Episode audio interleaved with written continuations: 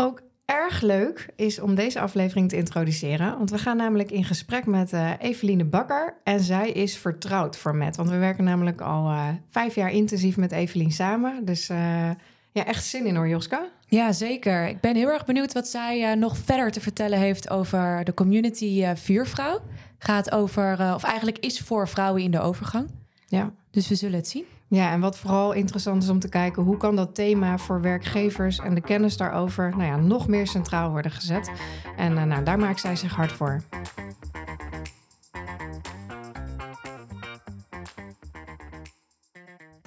Yes, weer een nieuwe aflevering uh, vandaag. En weer in Met. Het wordt uh, helemaal een feestje hier. Joske is er vandaag ook weer bij om mee te praten. Zeker. En uh, vandaag hebben we een gast, en uh, Eveline Bakker. En zij is vertrouwd voor Met. Want zij komt hier echt, in ieder geval, ik werk hier nu vijf jaar, maar al vijf jaar sowieso over de al vloer. Vijf jaar, precies. kind aan huis. Kind aan huis. En uh, Eveline is uh, betrokken bij een. Een, een, een, platform voor vrouwen in de overgang. Uh, ge, ja, gerelateerd aan werkgevers, gerelateerd aan vrouwen onderling. Nou, we gaan daar van alles uh, over vragen aan uh, Eveline. Uh, maar zou jij jezelf even willen voorstellen, Evelien? Ja, ik ben uh, Evelien Bakker. Ik ben voorzitter van Stichting Vuurvrouw. En wij zijn een uh, platform voor vrouwen in de overgang. We bestaan nu sinds 2015, denk ik ongeveer. En uh, acht jaar dus, bijna negen. En nou ja, sinds vijf jaar kom ik al bij Met over de vloer. Dus echt kind aan huis. Um, we vallen onder de patiëntenorganisaties. We hebben ongeveer, ik denk 13.000, 14.000 uh, aangesloten vrouwen bij ons... die heel regelmatig uh, gebruik maken van onze lotgenotengroepen. En sinds een jaar zijn we eigenlijk heel actief bezig om uh, de community vorm te geven. Ja, daar weet ik ook veel van, want ook daar mag ik bij betrokken zijn. Zou jij iets over die community vorm willen vertellen? Waarom moest er een community komen? Ja, de community was echt heel erg bij mij. Dat was gewoon een beeld wat ik eigenlijk al, al jaren had.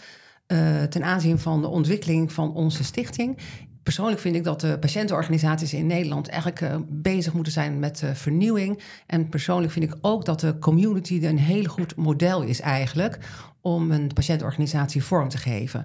Met mensen kunnen elkaar met daarop in contact komen, met elkaar uitwisselen. En ook een belangrijk deel van onze community is kennisdeling. Ze proberen daar goede informatie te vinden en uh, de goede informatie te delen. En dus daar richten we ons op even een paar stappen terug, want je noemde net natuurlijk de doelgroep uh, van de community. Uh, toen wij in het begin, en daar ga je straks vast ook nog wel wat over vertellen, gingen praten over die communitykansen, um, is natuurlijk ook het thema overgang iets wat in mijn ogen, en we hebben daar ook in de voorbespreking hier bij Met nog over gehad, dat is zo'n uh, zo'n belangrijk onderwerp en het betreft zoveel vrouwen in Nederland die werkend zijn en met dit probleem, nou ja, uitdaging, hoe we het ook noemen, te maken hebben. Dat toen jij vertelde, helemaal in het begin, dat je op werkgevers wilde richten, ja, die dit echt moeten omarmen om een betere werkgever ook te kunnen zijn, denk ik, voor vrouwen die worstelen met de overgang.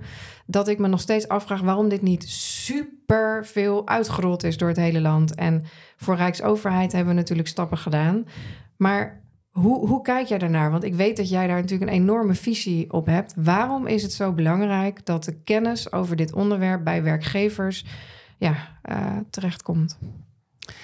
Nou, als je kijkt naar het aantal vrouwen wat uh, in de overgang is en wat last heeft van overgangsklachten, dan zit je echt uh, uh, rond de 1,8 miljoen, zeg maar. Zo. 80% van die vrouwen die werkt in de een of meer, meer of mindere mate. En dat betekent ook dat er op de Nederlandse werkvloer gewoon heel veel vrouwen zijn die last hebben van overgangsklachten. En uh, we zien veel vrouwen hè, die bijvoorbeeld wat vaker gaan verzuimen, die ook uh, naar beneden gaan solliciteren. Die zeggen, ja, die zware baan met dat leidinggeven, dat lukt me allemaal niet meer. Die gaan een lagere baan accepteren. En ook vrouwen die helemaal stoppen. En dat is natuurlijk zonde, want raken gewoon heel erg veel uh, werkkracht en ervaring kwijt. En nu zijn ook steeds meer de werkgevers van doordrongen van het belang om die vrouwen te behouden voor het werk. Dus er wordt al steeds meer op ingezet. Ja, wat fijn. Want inderdaad, even terug naar het begin. Hoe ben jij bij ons terechtgekomen? Ja, ik ben gestart met de, met de Stichting Vuurvrouw in 2015. En vanaf begin af aan had ik een beeld, een visie dat we een community moesten gaan starten. En uh, ik ben daarin vrij snel bij Met uh, gekomen, aangeklopt. En jullie hebben ook heel erg met ons meegedacht. En in 2019 hebben we een opdracht gekregen voor de Rijksoverheid voor het bouwen van een kennisplatform en het maken van een trainingsprogramma onder de naam In Overgang. En uh, in overgang.nl, dat draait eigenlijk nog steeds. En de idee was toen ook om daar een actieve community op, uh, op te hebben voor de werknemers van de Rijksoverheid. He, voor die ontwikkeling hebben we ook een subsidie gekregen van het ANO ons Rijk. Dus het was ook fantastisch in overgang als platform draait nog steeds. Het wordt ongelooflijk goed bezocht. Veel werknemers van de Rijksoverheid kijken daar regelmatig op. Mm Dus het heeft heel goed uh, gewerkt. En uh, alleen de community deel, dus waar mensen, dus werknemers met elkaar zouden gaan praten en uitwisselen over waar ze tegenaan lopen tijdens de overgang en op het werk. Dat was ongelooflijk moeilijk. We merkten dat dat gewoon echt in die privacyhoek kwam.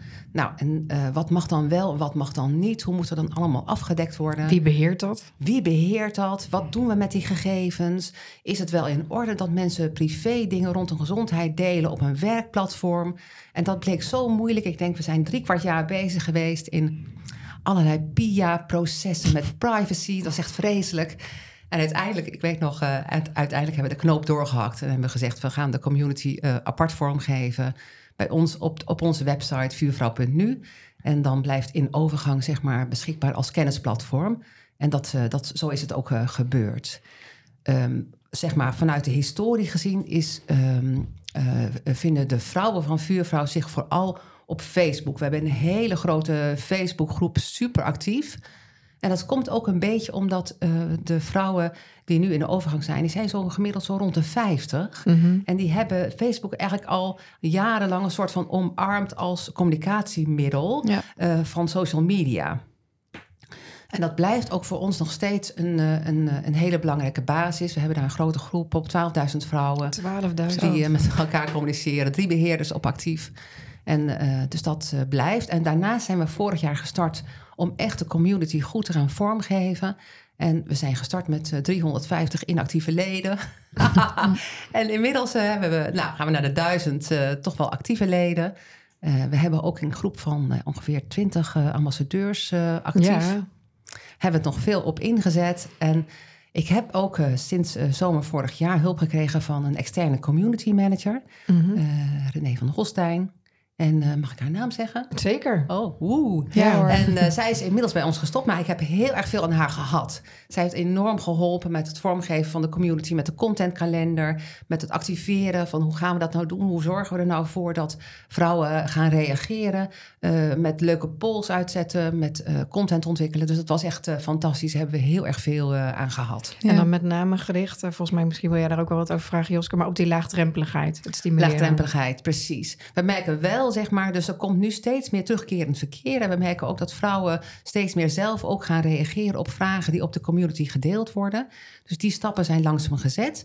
En, maar het is heel erg belangrijk om te blijven activeren, om toch te blijven, om vrouwen te bereiken, om ze uh, toch te activeren, om mee te doen, om mee te praten. En dat is nog wel een beetje, dat, ja, dat vraagt echt aandacht en tijd. Ja, want even terug op die Facebook. Uh, groep die jullie hebben. Dus eigenlijk is er al een community op Facebook. Ja. Wat was dan eigenlijk de reden om naast Facebook nog een andere community be te beginnen, maar dan dus in website, platform vorm buiten Facebook om? Nou, er uh, zijn een aantal redenen voor. Ik persoonlijk denk ik dat Facebook, hè, dat is dat langzamerhand denk ik als community, als um, social media platform, denk ik dat het minder belangrijk gaan gaat worden. De vrouwen die er nu aan gaan komen, hè, de vrouwen van eind 30 zeg maar, die nu langzamerhand onze doelgroep worden, ook alvast om te informeren over de overgang, die vind je eigenlijk niet meer op Facebook. Die vind je misschien wat meer op uh, Instagram. En, um, en die groep wilden we eigenlijk vooral gaan bedienen op onze community. Maar ook met name, Facebook is heel erg, noemen we ook wel een beetje onze klaagmuur. Hè? Je kunt daar gewoon echt eindeloos support vragen. Ja, lief en leed. Hoe erg het ook soms is, hè? en dat is ook heel erg belangrijk. Maar de community um, uh, is vooral bedoeld ook om uit te gaan wisselen over overgangen werk. Hoe maak ik het nou uh, beter? Wat kan ik eraan doen? Om met elkaar, zeg maar, uh, elkaar te gaan bekrachtigen.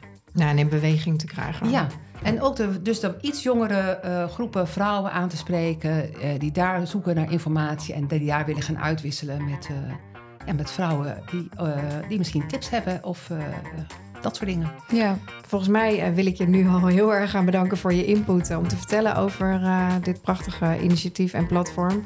Uh, dankjewel voor je deelname ja, heel graag gedaan. En ik wil jullie ook bedanken, want jullie hebben altijd fantastisch meegedacht met ons. dus dat heeft, altijd, uh, dat heeft heel veel waarde gehad. Top. Heel goed. Dankjewel. Dankjewel. Deze podcast is gemaakt door Matt. We hebben een passie voor online communities en zijn elke dag bezig met het creëren en beter maken van deze communities. We leveren niet alleen een technische oplossing, we coachen, ondersteunen en ontzorgen jou de hele rit. Van collega's tot inwoners, van vrijwilligers tot een netwerk van professionals. Wij halen ze over de streep met meetbare resultaten, zodat jij kan zeggen: dit hebben we samen voor elkaar gekregen. Wil je een demo of meer info? Kijk dan op www.met.nl. En let op, met is met dubbel T.